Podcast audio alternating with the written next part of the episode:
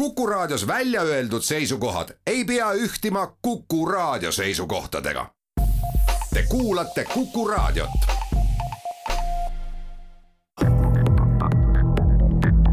krimiraadio, Krimiraadio tere taas, eetris on Krimiraadio ja saatejuht ajakirjanik Raul Ranne. täna räägime inimkaubandusest keerulistel aegadel üha enam pead tõstma probleemi tagamaid aitavad lahendada Sotsiaalkindlustusameti inimkaubandusohvrite teenuse juht Sirle Blumberg, tere! tervist! ning Põhja prefektuuri narko- ja organiseeritud kuritegevuse talituse juhtivuurija Margo Kivila, tervitus! Sirje Blumberg, kui me räägime inimkaubandusest, siis Eesti puhul räägime me eelkõige mis laadi juhtumitest? No võib-olla jah, et kui inimestele nüüd hästi lihtsalt ja selgeks teha, siis no põhiliselt ikkagi, mida teatakse-tuntakse ja mis ka Eestis võib-olla kõige äh, rohkem on märgata, inimkaubanduse tunnustega lood või ekspluateerimise tunnustega lood on siis, äh, mis puudutab tööalaseid ja siis seksuaalse ekspluateerimise tunnustega. tööalaseid siis milliseid, et kui veidi lahti võtta see? jaa, see on äh, see on kahtlemata üks teema, millest, mille vastu on ka hakatud üha rohkem huvi tundma ilmselt selle tõttu, et et see sisserände teema on ju väga aktuaalseks muutunud, aga tavalised inimesed pöörduvad sellega, et nendel ei ole töötasusid makstud juba pikemat aega ja noh, mõned jäävadki sellisteks väga lihtsateks lugudeks, mis pigem Äh, puudutavad Tööinspektsiooni, aga äh, kui sinna lisanduvad äh, sellised elemendid, et ka see töö tegemise aeg on absurdselt pikk, näiteks kõik päevad nädalas töötunnid ulatuvad teinekord üle kolmesaja tunni kuus, palk makstakse näiteks osaliselt kas sularahas või, ja pangaarvele ning lisaks kas näiteks, kus need inimesed siis ka elavad, et on see siis, võib olla ka seesama objekt, kus ta näiteks töötab, käivad seal juurde ka näiteks mingi manipulatsioon või ähvardus, väga tihti ettevõtted ja kasutab sellist lauset, et äh, ma deporteerin sind, et jätab mulje, et tema öö, äh, otsustab, kas inimene saab riiki jääda või mitte, või et siis, et kui sa kuhugile pöördud, siis niikuinii äh, meil siin Eesti riigis toimuvad asjad nii, et keegi sind ei usu ja sa oled välismaalane ja ja, ja, ja sinu töötingimused peavadki olema teistsugused kui näiteks kohalikud. ja ühesõnaga väga sageli siis äh, inimesed, kes tulevad heas usus siia tööle kusagilt kolmandatest riikidest, põrkuvad siin olukorraga, kus äh, tingimused on otse öeldes orjastavad ja, ja kaevata justkui pole kuhugi ja, nii nad siin ongi. No esiteks nad tulevad siia riiki ikkagi pigem hea maine pärast äh, ja, ja selle, sellepärast, et, et ikkagi teatakse, et Eesti on turvaline teiseks ka, et meie ilmselt majanduslik olukord on äh, muutunud äh, paremaks võrreldega, võrreldes nende enda riigis toimuva olukorraga. Ja nad tulevad tihti selle teadmisega, mis on nende enda riigis ja kannavad selle, need teadmised üle ka siia riiki, lihtsalt jah, muidugi inimesed ei tea, et et riigiasutusse saavad kõik inimesed pöörduda, olenemata kust riigist ta pärit on, äh, ja et abi on seal näiteks tasuta, mida ka tihti ei usuta ja ei arvata, Mm, ja, ja noh, kuna, kuna see seotus on tihti ainult ühe tööandjaga või siis selle vahendajaga äh, ja mitte ühegi teise inforuumiga nii-öelda, siis äh, mingiks hetkeks jah, äh, võib inimesel tekkida arvamus, et tal ei ole nagu ei õigust lausa ega võimalust kuhugile pöörduda. aga noh, see muutub kohe, kui ta on kokku puutunud tegelikult vähemasti ühe riigiasutusega, kus ta saab aru, et tegelikult noh, ütleme, tal hakkab selginema pilt, mis, mis on siis päris ja tegelik. Ma korra täpsustaksin ühe, ühe asja veel, et, et üks probleem, miks need, miks see info näiteks tihti ei jõua kas siis üldse, kas siis SKA-ni või siis politseini, on see, et need riigid, kuskohast need inimesed tulevad, et, et seal on need tingimused kordades, kordades halvemad ja nende valulävi on nagu nii sellisel tasemel, et see, mis nagu mm meie jaoks tundub juba, et, et see on nagu selline orjastav ja, ja alandav ah. käitumine tööandja poolt, siis nende jaoks on see endiselt veel nagu väga okei okay ja, ja nad ah. ei tunne, et nad on kuidagi ohvrid, et Nad ei pruugi isegi aru saada esimese hooga, et jaa, jaa, täpselt, ja, ja nüüd neid see kasutatakse ära, jah? jaa, ja kui nad on veel nüüd kuidagi eraldi niimoodi, et neil puudub äh, võimalus võrrelda, et äh, näiteks kuidas koheldakse kohalikke töötajaid ja, ja kuidas on siis nemad, mis tingimustes, et siis neil ei ole seda võrdlusmomenti ja nad ei saagi aru, et midagi on valesti. Et noh, nüüd, et tõesti, et kui nüüd peaks olema see, et nad töötavad külg külje kõrval, siis nad saavad aru, et nad näevad, et kui kuidagi on nagu sellist ebavõrdset kohtlemist, kuigi ka siin on tööandjad ütlevad, et äh, jah, et teil on küll kehtestatud miinimumpalk, et aga et et äh, selle võrra te peate rohkem tunde tegema, et, äh, et need ikkagi te teeniksite oma selle palga välja, et kasutatakse ka nagu selliseid skeeme, et mida siis töötaja ei, ei saa aru ja, ja lähebki nagu langebki selle ohvriks. mis hetkest hakkab pihta kuritegu, ütleme, mis hetkest need juhtumid hakkavad politseile huvi pakkuma ja, ja mis hetkest hakkab menetlus, et ma saan aru, et noh, üks asi on selline noh, võiks öelda siis lihtsalt petmine või, või vale mingi kuvandi loomine ja inimene noh, lihtsameelselt läheb tegema midagi, mida ei peaks, aga noh, ütleme sellist raudset kuriteokoosseisu veel ei paista ehk, aga, aga millal see asi kõik teile hakkab huvi pakkuma? no sellist äh, päris konkreetset äh, punast joont on äh, keeruline maha tõmmata, aga üks selline väga oluline märksõna on see, et see haavatavus, et kui me näeme, et inimene on pandud haavatavuse tõttu sundolukorda, ja, ja teda, ja tal ei ole nagu, kasutatakse seda tema olukorda ära, siis see on nagu, võiks olla nagu siis see joon, et kuskohast peaks hakkama mõtlema siis, et kas see on, et ütleme,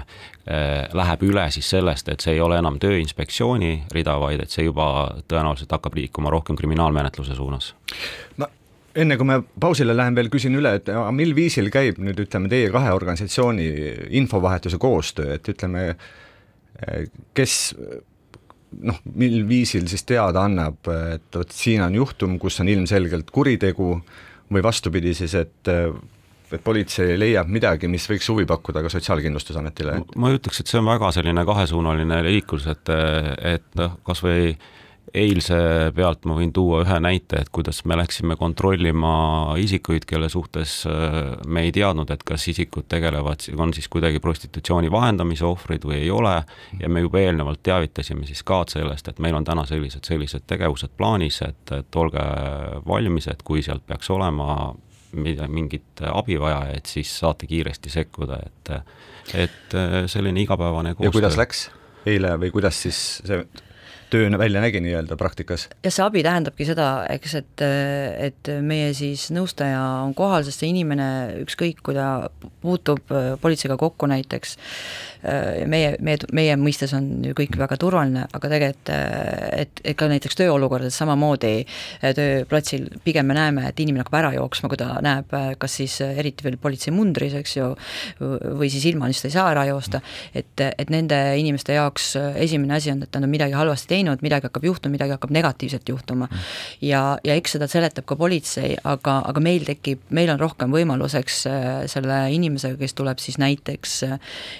edaspidi, kui tal on vaja mingisuguseid teenuseid, rohkem selgitada, rääkida ja see esimene šokiseisundis, inimene niikuinii väga kõigest aru, ta isegi ei mäleta, mida talle võib-olla, sedasama juttu, mida politseile ta rääkis, on meil võimalus uuesti kahe-kolme tunni pärast uuesti nagu üle rääkida ja veel rohkem selgitada, sest et äh, see hirmu, hirmutase on ka inimesel suhteliselt äh, kõrge, sest ta ei saa lihtsalt aru, mis hakkab toimuma. ja ikkagi, Margo Väest, et kuidas eile õhtul siis juhtum lahenes, et oli seal siis tegu meil oli äh, kupeldamisega ja kupeldamise ohvritega või kuidas? meil ei olnud äh, otseselt, ei olnud tegemist siis ütleme, kriminaalmenetlust eile ei alustatud, aga oli vaja ikkagi ohvriabi sekkumist, nii et koostöö sujus hästi ja, ja ma arvan, et saime hästi hakkama. jah, sest see ei ole ainult äh, niipidi, et, et kas nüüd see kriminaalmenetlus alustatakse või mitte, kuna me, me, mina olen, eks ju, töötan ohvriabis, siis äh, kui inimene on kannatanu või, või meie mõistes ohver, eks ju, siis igal juhul on nagu inimesel noh, juurde mõistlik nagu meid kutsuda, äh, kui me saame, eks ju, selle inimese jaoks midagi teha rohkem, kas või selgitada, et ka sellel inimesel äh, nagu suureneks see kuvand, et tema ümber on tegelikult äh, inimesed, kes mõistavad tema ol olukorda, ei anna talle hinnanguid ja selgitavad kas või kümme korda, eks, aga me teeme seda äh, selle inimese jaoks, et noh, esiteks ta äh, rahuneks ja saaks aru, mis hakkab toimuma, mis ta võimalused on, mis ta õigused on, et see, see, see on kõik see, mida me koos nagu oma, koos saame teha. aga teeme siin kerge pausi ja jätkame pärast seda Krimiraadio, Krimiraadio. jätkame saadet, täna räägime me inimkaubandusest. Põhja prefektuuri narko- ja organiseeritud kuritegude talituse juhtivuurija Margo Kivila kõiksugu eh, inimkaubandust puuduta, puudutavaid kokkuvõtteid ja ülevaateid lugedes jääb ikkagi silma ka selline, eh, selline koht, mis puudutab siis seksuaalset ekspluateerimist ja neid juhtumeid. millest me siis räägime, mis juhtumid need on või mis laadi tegevusest jutt käib, et kas see on mingisugune äh, valede juttudega inimeste noh, ma ei tea, massa-, massaažisalongi meelitamine, kus selgub, et tegemist on tegelikult noh, bordelliga sõna otseses mõttes või on seal mingisugune võimu kuritarvitamise juhtumid või millest me siin räägime? Nojah, siin on äh, tegelikult see spekter on äh, päris lai, et alustuseks, et meil on Eesti, Eestis võimalik äh, siis seksteenuseid pakkuda inimestel, kui nad iseseisvalt seda teevad, siis see ei ole karistatav, samas kui sinna keegi tekib vahendaja juurde, siis see on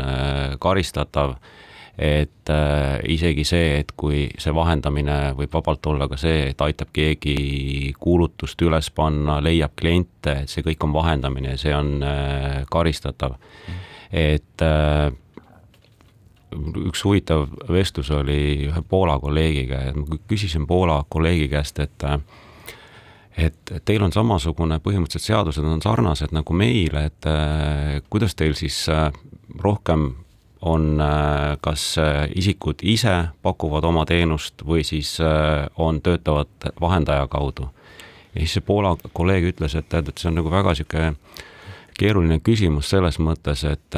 kui nüüd mingi, mõni naisterahvas paneb siis selle kuulutuse kuskile veebi ülesse, et ta sellist teenust pakub, et siis suhteliselt kiiresti Poolas on kurjategijad ukse taga, ütlevad, et nii, et aga nüüd sa hakkad meie alt töötama ehk siis, et kui sa isegi üritad iseseisvalt seal midagi teha, et siis suhteliselt kiiresti, et et äh, on siis noh, mida ma tahan öelda, et et kui kodaniku ja ja siis äh, politsei vahel või riigi vahel jääb väga selline suur vahe sisse, et siis suhteliselt kiiresti organiseeritud kuritegevus täidab selle tühimiku ära, et võrdluseks Eestis. just nimelt, et kuidas Eestis on, et kui näiteks keegi, kes tuleb siia sellel alal tööd tegema, paneb siis, kuulutuse välja, äh, kas siis on ka kohe nii-öelda organiseeritud kuritegevus ukse taga, ütleb, et äh, päris nii ei saa ja erinev, erinevalt äh, Poolast ja paljudest teistest riikidest meie üritame teha selliselt, et võimalikult kiiresti jõuab politsei sinna ukse taha. Mm.. et selle eesmärgiga, et selgitada välja, kas seal on siis vahendajaid taga, selgitada sellele isikule, kuskohast on võimalik abi saada, et meil on olemas äh, SKA, meil on olemas politsei, et äh, kui on probleeme, keegi ähvardab, on, äh, pakub keelatuid aineid, äh, mis iganes probleemid on, et siis selgitada välja kõik need igasugused, üldiselt, et me teaksime, mis riikide kodanikud meil siin on, et kuna see on ikkagi ka selline kõrgendatud risk ka teiste kuritegude toimepanemiseks, et siis me üritame olla nagu võimalikult äh, täpset ülevaadet omada siis sellest olukorrast, mis meil riigis on. aga mis hetkel äh, noh, ütleme siis selle ala inimesed äh, satuvad Sotsiaalkindlustusameti inimkaubandusohvrite teenuse äh, nii-öelda huviorbiiti või mis, millal see inimkaubandus jutuks tuleb sellisel juhul? Äh, jah, üks osa inimesi helistab meile ise, äh, sest on olemas ka selline äh, ennetamise ja nii-öelda nõuandeliin ja ohvrite abistamise nõuandeliin, kuus, kuus, null, seitse, kolm, kaks, null ja ja näiteks tööalaste lugude puhul inimesed on ise helistanud. nüüd kõik, mis puudutab täna sellist äh, seksuaalse ekspluateerimise tunnustega, siis see need inimesed seal on natukene teise, teises kategoorias selles mõttes, et nad ise tunnevad ennast niikuinii marginaliseeritud, marginaliseerituna, teiseks äh, ei ole veel ma ka kohanud ühtegi neist, kes arvaks, et üldse mingid organisatsioonid võiksid neid kuidagi mingil moel toetada või abistada. Äh,, sest noh, sellest teemast võib nagu väga pikalt rääkida, et miks nad nii mõtlevad või miks nad nii arvavad, loomulikult ei taha nad väga ka, ma arvan, politsei ohuorbiiti ega ka noh, et, et lihtsalt mingit abi tulla paluma, et noh, mis abi, eks ju, et ilmselt äh, abi nende jaoks tähendab siis juba seda, noh, võiks tähendada, et kui on olnud äh, ka mingi noh, juba võib-olla äkki füüsiline vägivald, ka seda mõnede nende klientide puhul, kes meil on olnud äh, meil teenusel, nad on seda maininud, just et klientide poolt on olnud äh, sellist vägivalda, mitte siis alati siin riigis, ma ei räägi, aga üldse selles perioodis, kui nad on äh, nagu siis öelnud, olnud prostitutsiooni kaasatud, aga nad on ka öelnud, et nad ei ole sellest väga kellelegi rääkinud ja nad ei ole kuhugile aga väga pöördunud. ilmselt see võib olla tingitud sellest, et nad juba noh, teadlikult nagu teavad, et kui ma olen noh, hetkel teen seda, mida ma teen, siis äh, kuidagi sellega kaasnevad ka teatud äh, riskid või et ma ei ole piisavalt väärt, et üldse nagu midagi võib-olla küsida. Ja tundub ka, et äh, noh, kui meie, eks ju, nimetame teatud sõnu, et näiteks prostitutsioon või me nimetame äh, äh, inimkaubandus või me nimetame seksuaalne ekspluateerimine, siis, siis nemad piiritlevad selle teema hästi nagu kuidagi lihtsalt, et, et, et see on ajutine hetkel töö, mida ma teen, nad ei nimeta ennast ühegi sellise sõnaga, mida, mida meie kasutame, kahtlemata ka mitte ohver, nii et, et nad jõuavad täna, see, millest Margo rääkis, tegelikult just nimelt ainult läbi politsei hetkel. on äkki mõni konkreetsem lugu või juhtum rääkida lahti, et ütleme, et kust inimene tuleb, mis asjaoludel ta siin on ja mis asjaoludel, asjaoludel ta lõpuks siis politseini jõuab, et, et, et seda nagu paremini mõista ja mis te siis ka teete, et ütleme, oletame, et tuleb kuskilt äh, riigist siia Eestisse tööd tegema äh, keegi tütarlaps, naisterahvas, meesterahvas ja, ja siin siis, vot,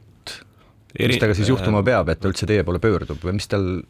ma ütleks, et, et Eestis äh, praegu meie need viimase, viimaste aastate juhtumid on olnud ikkagi äh, sellised, et äh, kus see vahendamine on olnud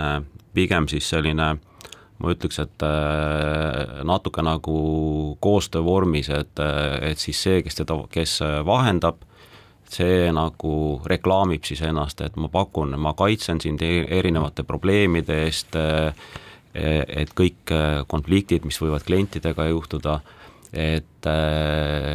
noh, et see ei ole nagu, nagu selliselt nagu paljudes teistes riikides, noh nii nagu ma tõin selle Poola näite, et, et sind vägisi hoitakse kuskil korteris kinni, võetakse dokumendid ära, kuskile liikuda ei saa, et sa oledki nagu põhimõtteliselt täiesti vangistatud ja, ja, ja kasutatakse ära, et, et Eestis selles mõttes äh,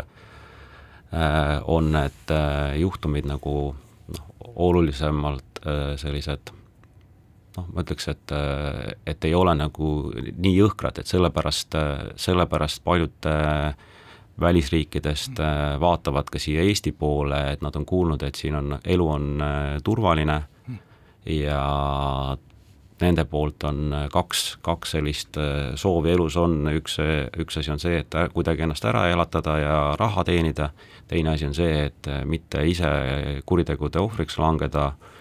et äh, ja, ja noh, siis need, nende, nendel kaalutlustel siis valitakse ka neid sihtriike, et äh, kuhu liigutakse, et noh, ilmselgelt on mingisugused siht, mingid riigid, et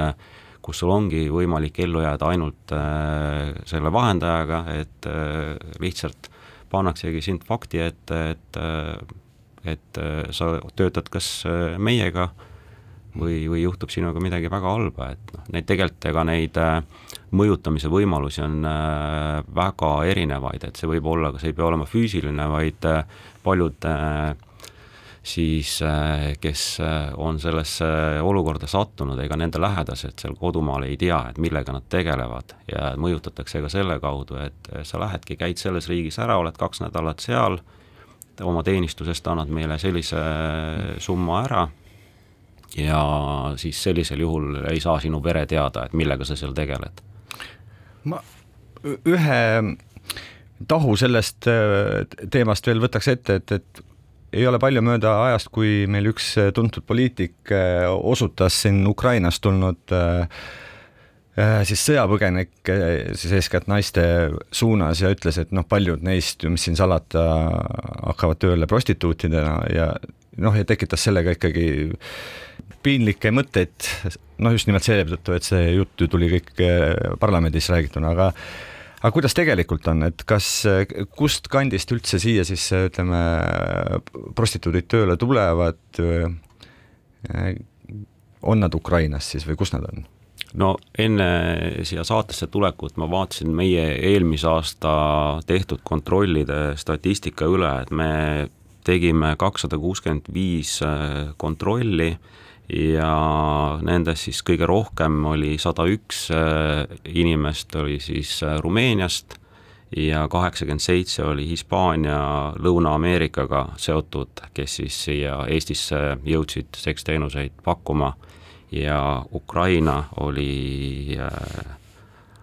siis kuueteist, kuueteist juhtumiga, et äh, noh, nagu siis kordades, kordades äh, väiksem probleem tegelikult meie jaoks võrreldes siis näiteks Rumeenia ja Hispaania, Lõuna-Ameerikaga. et Lõuna-Ameerika, ma ütleks, et praegusel hetkel ja Hispaania, et see on nagu selline kasvutrendis meie jaoks praegu. seega sai siis too jutt nendest ukrainlastest ümber lükatud ja me läheme siit pausile Krimiraadio. krimiraadio. tõepoolest, Krimiraadio jätkub. Äh, ja täna räägime me inimkaubandusest. Sirle Blumberg, ega te ei ole kuulnud, kas viimasel ajal, mil majanduses on ju kitsad olud ja, ja, ja keerulised ajad just, et on leitud Eestist mõnd põrandaalust õmblustöökoda, kus tööl eranditult ähm, äh, mujalt tulnud äärmises, äärmiselt viletsates tingimustes töötavad inimesed või koguni alaealised, nagu me oleme filmides näinud või noh, nagu klišee ütleb või kuidas see Eestis välja võiks näha, see tööalane ekspluateerimine, ärakasutamine? no nii näebki välja, et meie, meie ju saame näiteks äh, ühelt või, või mõnelt äh, kliendilt siis äh, kõne, kes helistab ja ma tahan ka mainida, et kes seda saate algust kuulas, et et ega see tähendab juba seda, et inimene ikka päris pikka aega juba selles olukorras kannatanud, sest et ta on tavapärast arva, arvanud, et noh, nii asjad käivadki ja ja sest, et tal on oma, oma kodumaal olev kogemus, eks ju, kuidas ja mis tingimustes elatakse ja töötatakse. ja neid kohti või, või tegevusvaldkondi, kust inimesed kõige rohkem kõne, kõnesid teevad, on peaasjalikult muide mehed täna meie sellise mm kokkuvõtleva statistika näol, no loomulikult ikkagi esirinnas on täna ehitus, aga ka selline tööstus, aga ka võib-olla teenindussfäär, mm, kus, kus nagu tekib küsimus, et mis see olukord nüüd on, et ta on selline piirialane, eks, et kuna meie uurimisega ei tegele mm., siis me tegeleme kõigepealt selle inimesega ja kui ta hakkab rääkima ja kui me hakkame küsima, siis miks inimene ei ole võib-olla varasemalt pöördunud, sest tegelikult ta on kartnud, ta on kartnud päris mitut asja. ta on kartnud noh, kõigepealt seda, et ta ei saa seda töötasu kätte, ta kaotab töö, aga kolmas ka, et teda saadetakse riigist välja ja, ja võib-olla mingi neljas variant ka, et ta on ise ka äkki midagi valesti teinud noh, mis me, mis me teeme sellisel hetke, hetkedel, et kõigepealt saab äh, noh, selgitada, kõigepealt saab üldse välja selgitada selle inimese jaoks ka, mis toimub. Ja vot minu viimane kohtumine just siin paar päeva tagasi oli äh, ühe kliendiga, kes hakkab hästi pikalt-laialt äh, muidugi rääkima seda, mis tal südamel on ja kaua see kõik teestunud on, ja, ja, ja tal, tal tegelikult tõesti kult-, ilmselt ka kultuurist tulenevalt noh, sellised asjad nagu tööleping või, või mis leping see on ja, ja kas üldse on leping ja kas mul on mingisugune äh, registreering Eestis olemas, et ma tohin töötada äh,, kes mu tööandja on, et, et see hakkab alles tema jaoks väga tihti siis selguma, et noh, mis sealt nagu välja kooruma hakkab ja kõik need vestlused, mida ta on pidanud siis nii-öelda tema arvates näol oma tööandjaga, tuleb välja, et see on hoopis mingi kolmas isik, kes mm. tegelikult selles selles olukorras mitte midagi ei, ei otsusta, ei vastuta, ehk siis tema otsene tööandja kas nüüd teab seda olukorra või mitte, ma arvan, et see ei ole juhuslik ikkagi, aga siis korrub ka välja, et lisaks temale näiteks töötavad seal veel erinevatest riikidest peamiselt Ida-Euroopa riikidest inimesed, kellel ka ilmselt keeleoskus on oluliselt halvem, näiteks ka vene keele oskus, et nad ei oskagi üldse vene keelt rääkida, seega nad eesti ei pöördu, eesti keelest rääkimata, inglise keelest rääkimata, eks, et kuhu pöörduda, kas seal võib olla nende hulgas ka inimesi, kellel tegelikult ei ole ettevõte teinud lühiajalise töötamise registreeringut, kõik kokkulepped on suusõnalised, siis seal tuleb välja, et ka äh, see äh, noh, palk on ka makstud kuidagi hästi suva järgi äh,, seal tulevad edasi, korrub välja, et seal on midagi maksudega teema, et inimesed eest ei ole ka makstud makse. Mm,, töösuhe on kuidagi niimoodi ära lõpetatud, noh, et ära tule, aga see kõik pöördu-, pöörd-, pöördutakse, pöördub inimese vastu hiljem. Ja, ja millega inimene on seotud ja haavatud, on tavaliselt ka see elamispind, mida on võtnud siis tema jaoks see ettevõtja mm, -hmm ja sisuliselt, kui ta, kui ta pöördub, siis me võime eeldada ja selliseid olukordi on olnud palju, kus äh, seal tööandja ütleb, et aga täna õhtuks või kohe kahe tunni pärast koli välja, sest muidu mm -hmm. inimesed on salvestanud ka erinevaid äh, kõnesid oma, oma, oma tööandjatega, mõned nendest on sellised päris koledad mm, -hmm noh, sellised, kus inimese, alates inimese rahvusest teda nagu mõnitatakse, karjutakse ja see on tema tegelikult iga päev, iga päev olnud. no ikkagi lõpuks taandub sellele nii-öelda orja ja peremehe umbes nojah, et me ei näe otseselt, eks ju. suhtelaadi asjadesse, et, et ütleme, inimestesse suhtutaksegi kui mingisugusesse sellisesse jah, ja kui nüüd keegi mõtleb, et aga kus see kinnihoidmine on, no miks inimene ära ei lähe, ometigi teda on nii halvasti mm. koheldud mm,, siis kui, kui keegi sellise küsimuse esitab, siis natukene korra tasuks ennast panna ka kuhugi täiesti võõrasse riiki ja mõelda, kui ma oleks sellises olukorras, mis tavaliselt inimese psühholoogias toimub, on ju üldjuhul tardumine, kõik asjad kaovad meelest ära, teiseks hirm ikkagi, et ma olen ju töötanud, ma ei saa seda töötasu kätte. Ja kuhu ma lähen täna ööbima, kui mul ei ole tegelikult seda töötasu et lihtsalt selline hetkeline, hetkeks mm. nagu mõelda, et me ei räägi täna, et kedagi kuskil hoitakse luku taga, võetakse passid ära, vaid see manipulatsioon, ähvardamine, riigist väljasaatmine ja kui me küsime, et miks inimene usub seda, no usub ja kui ta... sa talvisel ajal töötad kuskil ehitusobjekti mm -hmm. peal ja oled, elad eh, siis selle tööandja pinna peal ja kui sulle öeldakse, et, et astu välja siit ja sa oled mm -hmm. võõras riigis, eh, sul on eh, keelebarjäär, sa ei suuda, sul ei ole ka nagu rahaliselt võimalik leida endale nii nagu Eestis küsitakse su käest ikkagi, et kõigepealt maksa üks kuu mm. üür ette ja siis maksa vahendustasu ja siis veel mingi, mingid summad, et sul, sul ei ole nagu võimalik kuskile liikuda ja sa oledki tegelikult siis haavatav ja siis äh, kerge saak siis sellise potentsiaalse ärakasutamise juhtumi jaoks, et mina tavaliselt ma ütlekski, et nad nagu sellist äh, kolm äh, hästi olulist faktorit, et üks on keelebarjäär, mis teeb haavatavaks, kõige esimene ja olulisem, teine on äh, distants äh, mm. kodumaaga, ehk siis, et kui sa oled võib-olla kuskilt Aasiast näiteks pärit ja, ja, ja pool suguvõsa on pannud raha kokku selleks, et saata sind kaugele Euroopasse, et sa hakkaksid sealt siis äh, oma suguvõsa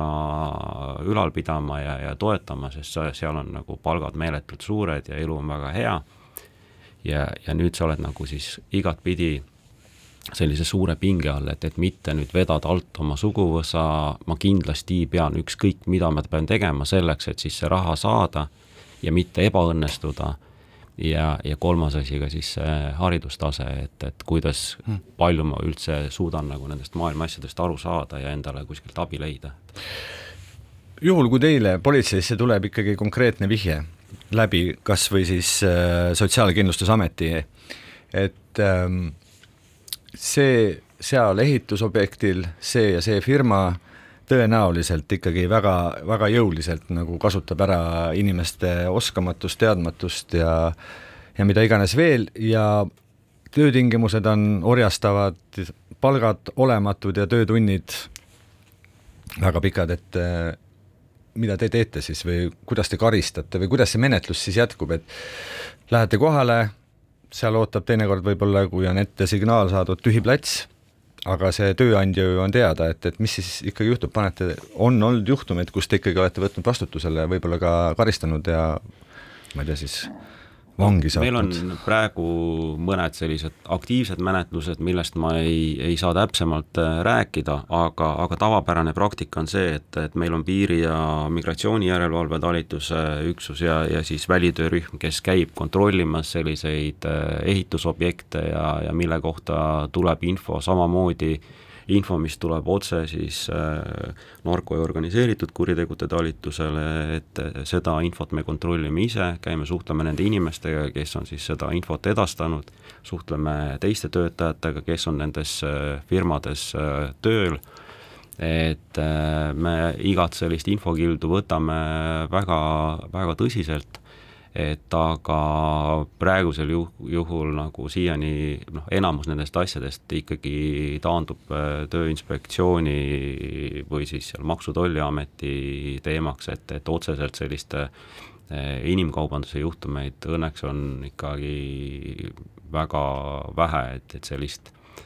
aga, aga see ei tähenda jah, et, et neid ei võiks äh, tulla edaspidi rohkem, et me vaatame kõik, kõik infod väga teraselt üle. ma mäletan, et äh, ei ole ju palju aega möödas, kui noh, näiteks Eestist äh, tütarlapsi ja noormehi, kes välismaale tööle kippusid, sattusid ikka sageli vahendama ilmselgelt organiseeritud kuritegevuse mingisugused osakonnad ja see oli nende majandus, üks majandustegevusi. kuivõrd nüüd Eestisse saabunute puhul on näha, et kogu asja taga on siiski mingisugune konkreetne kuritegelik ühendus, et see kõik on selgelt mingisugune noh, mingisuguse grupeeringu majandusharu? Äh, no ma praegu väga selliseid, ütleme siis selles äh, tööalases äh, ekspluateerimises ma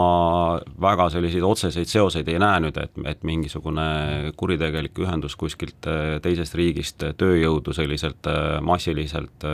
saadakse, et et noh, kindlasti võib olla kurjategijate käsi mängus võib-olla selles osas, et kedagi saada mõnest riigist, lihtsalt aidata ühest riigist teise liikuda et ja, ja sealt siis äh, hiljem, et äh, noh, juba peab ise inimene siis äh, taotlema siis kas siis varjupaika, elamisluba, et, et mis, mis iganes. Mm. Ma ka taandaks täna selle natuke rohkem sellele tööandjale, kes väidetavalt ei märka, näiteks peatöövõtja ei märka või ei tea, mis ta alltöövõtja teeb, et tegelikult öö, ei ole olemas selliseid lugusid, vähemasti mis meile on täna jõudnud, et, et tööandja sugugi ei tea, mida, mis, mis tal seal nagu toimub või ja noh, teiselt poolt äh, noh, kas seda, ma ei tea, kuritegelikku grupeeringut ongi vaja, sest inimesed täna niikuinii rändavad üle Euroopa, eks ju, tööle äh, ja, ja teevad seda selles mõttes vabatahtlikult, et aga see, mis siin toimub ja mis mainet me ise kujundame, eks ju, kõik need tööandjad täna, et noh, mis mulje me jätame, kui me üldse räägime, et kuidas me inimestega käitume ja kohtleme. veel kaksteist, kolmteist aastat tagasi toimus, eks, meie eestlaste ränne siin põhjanaabrite juurde suuresti. tänaseks on olukord äh, väga palju muutunud, inimesed teavad, seal on õigusi-kohustusi, kuuluvad ametiühingutesse ja need seal, ja noh, seal on ka seadusemuudatused toimunud, äh, kust, kus näiteks äh, ka see alltöövõtja, kes on nii-öelda peatöövõtja all teinud selliseid musti tegevusi, siis tegelikult see vastutus vastutus nagu lasub äh, äh, kogu sellele ettevõttele, et, äh, et ei saa nagu silmad kinni käia, Eesti on väga väike riik, see on meie õnn mõnes mõttes, et ei saa olla seda, et me ei märka, mis toimub minu ettevõttes, kui ma ostan teenuseid sisse, see on number üks, on see siis teenus ka sisse ostetud ükskõik mis asutuse poolt, et, et nendest lugudest tuleb anda ka kõrvalt tegelikult teada, sest et need inim-, inimesed ise väga tihti äh, noh, pöörduvad juba siis, kui on nagu asi tõesti juba väga hull nende jaoks ja, ja noh, üks asi veel on veel see, et äh, mitte ainult siis oma ettevõte, ettevõte, aga, aga Eesti väiksuse puhul on hea see, et me teame ka väga hästi, mis on meie konkureerivates ettevõtetes, äh, mis toimub, et tegelikult noh, siin ka, et see elanikkonna teadlikkus ja julgus märgata asju ja kui me teame, et näiteks kolm-neli ettevõtet äh, osalevad kuskil hankel ja, ja teevad pakkumisi, siis kõik ju teavad väga hästi, et millest see hind koosneb ja, ja kui keegi teeb nüüd ebareaalselt äh, odava pakkumise ja, ja samas on teada, et seal kasutatakse võõrtööjõudu, et noh, siis see on kindlasti see koht, et kus äh, tuleks sellest märku anda ja, ja tasuks sinna natukene sügavamalt sisse vaadata. ja võõrtööjõud ei ole täna juba ammu odavtööjõud, kuidas seda on nagu nimetatud, eks ju, sest et veel enne sõda, kui tuldi lühiajalise töötamise registreeringuga, pidi nendele inimestele maksma Eesti keskmist palka äh, nominaaltööaja eest, nii et kui me räägime, et, et tegemist on odavaga, siis see on nagu väga-väga vale nagu väide, eks ju, juba a priori. No siis suure tõenäosusega ongi tegu juba mingisuguse seadusrikkumisega, kui seal keegi ikkagi liiga suure allahindlusega saab äh, tööjõudu, aga me teeme siin jälle väikese pausi. krimiraadio, Krimiraadio. krimiraadio jätkub. täna räägime inimkaubandusest. sotsiaalkindlustusameti inimkaubanduse ohvrite teenuse juht Sirle Brumberg. ma saan aru, et me ennem rääkisime, eks ole, et kui äh, tööalasest ärakasutamisest, siis ehitusest, aga tegelikult see on palju laiemalt levinud, et me võime sama hästi ka rääkida koristusteenuste firmadest, äh, põllumajandusest, äh, toitlustus, toitlustusest, et noh, kõikjal võib no Näha. neid olukordi on kõik meil äh,, jah, need, mis nüüd sai nimetatud, on kõik äh, läbi jooksnud ja ja noh, meie poole ikkagi ei pöörduta rõõmusõnumitega, et ikkagi siis, kui on juba äh, midagi inimestel toimunud no, ja pikaajalisemalt, jah. pikaajaliselt mõnitatud ja palk maksmata jäetud ja, ja teinekord ka äh, unustatud tööle seal päevadeks ja päevadeks, ilma et keegi oleks märganud öelda, et äh, no selline lihtne lause kohata. ikkagi, et jah, et sa peadki töötama, sest et tegelikult sa oled välismaalane ja et üldse seda palka välja töö, teenida või et meil ei ole välismaalastele puhkused ette nähtud ja no, no päris selliseid ikka absurdseid lauseid on, on, on öeldud ja jah, paraku inimesed on ka uskunud ja, ja lausa nii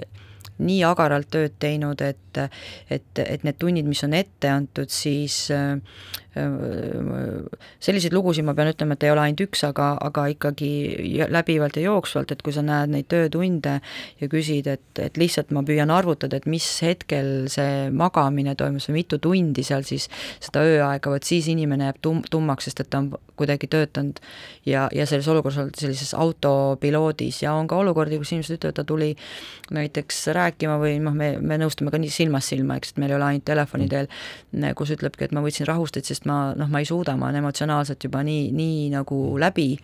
füüsiliselt, vaimselt ja, ja et kui ma praegu räägiksin, ma võib-olla kogu aeg, eks ju, nutaks, et teate, ma hiljuti lugesin ka artiklit, kus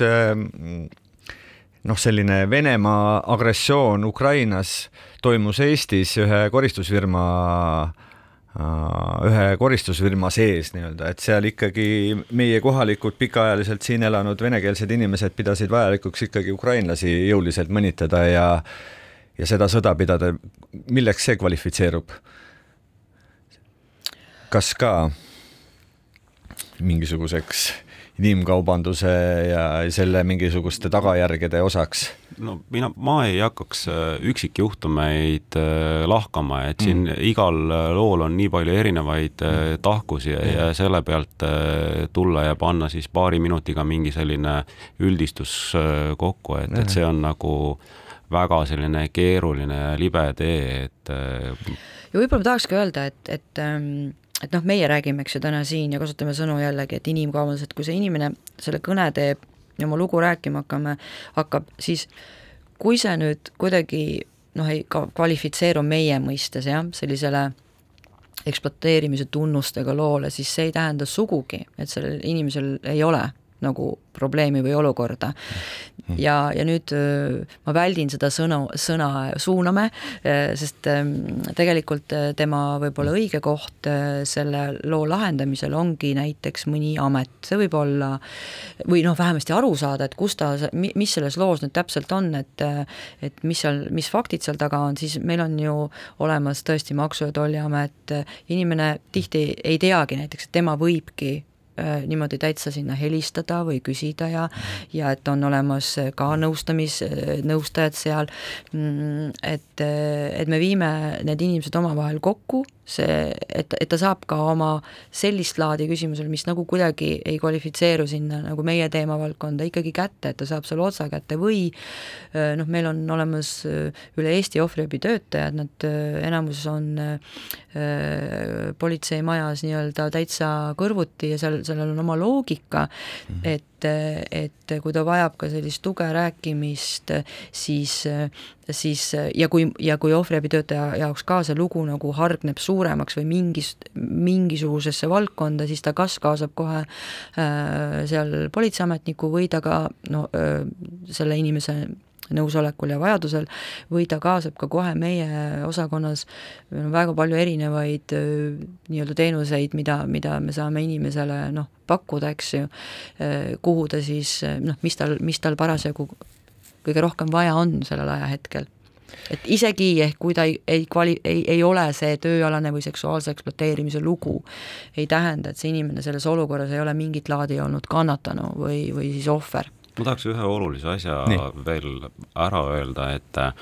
et praegusel hetkel hakkab just nagu selline hooajatöödele värbamine ja et just on praegu see aeg, et kus inimesed peaksid nagu väga mõtlema selle peale, et kui nad ennast seovad mõne ettevõttega või mõne töövõtuga, et siis võimalikult täpselt oleksid need äh, ka sellisel taasesitaval moel oleksid need fikseeritud, et kas siis kirjavahetus, meilivahetus või, või leping, äh, et, et need asjad oleksid äh, alguses kohe saaksid kirja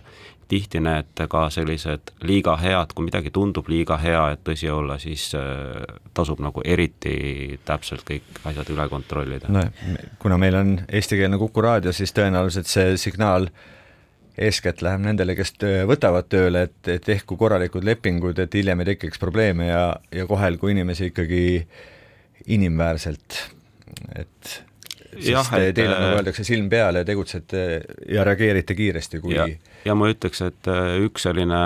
haavatav sihtrühm on ka koolinoored, kes otsivad äh, tööd ah, ja, ja lähevad samamoodi suveks tööle, et, et nendel ka kindlasti, et mõlemalt poolt, et oleks mm -hmm tööandja poolt äh, vastutus ja, ja väärikas kohtlemine ja samamoodi noorte poolt endal äh, suudaksid mõelda ka võimalikele ohtudele. seda kindlasti. ja, ja kindlasti, mida ma tahan ära mainida, mis on selline uuem asi, et, et selle sõja, äh, Ukraina sõjapõgenike vaatest ka, et et oli päris mitmeid kõnesid, kust kõrvalolijaid või nägijad või, või näiteks korteri väl-, väljarentijad nägid, kuidas inimesed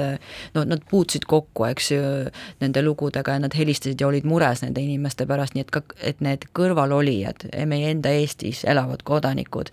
kui nad nüüd kuulsid seda, seda loetelu, et mis sellel inimesel võiks olla ja nad saavad aru, vesteldes näiteks võõramaalasega, et see sugugi ei ole nii, siis nad saavad ka ja võivad ka meile helistada kas või noh, viia meid kokku nende inimestega, inimestega, eks ju, kes tegelikult võib-olla antud ajahetkel äh, mingis olukorras kannatavad. enne kui olukord päris hulluks läheb, et see on Öelge, kas lõpetuseks, kas inimkaubandus kui selline oma kõikvõimalikel avaldamisvormides, on see Eesti mõttes kasvav probleem?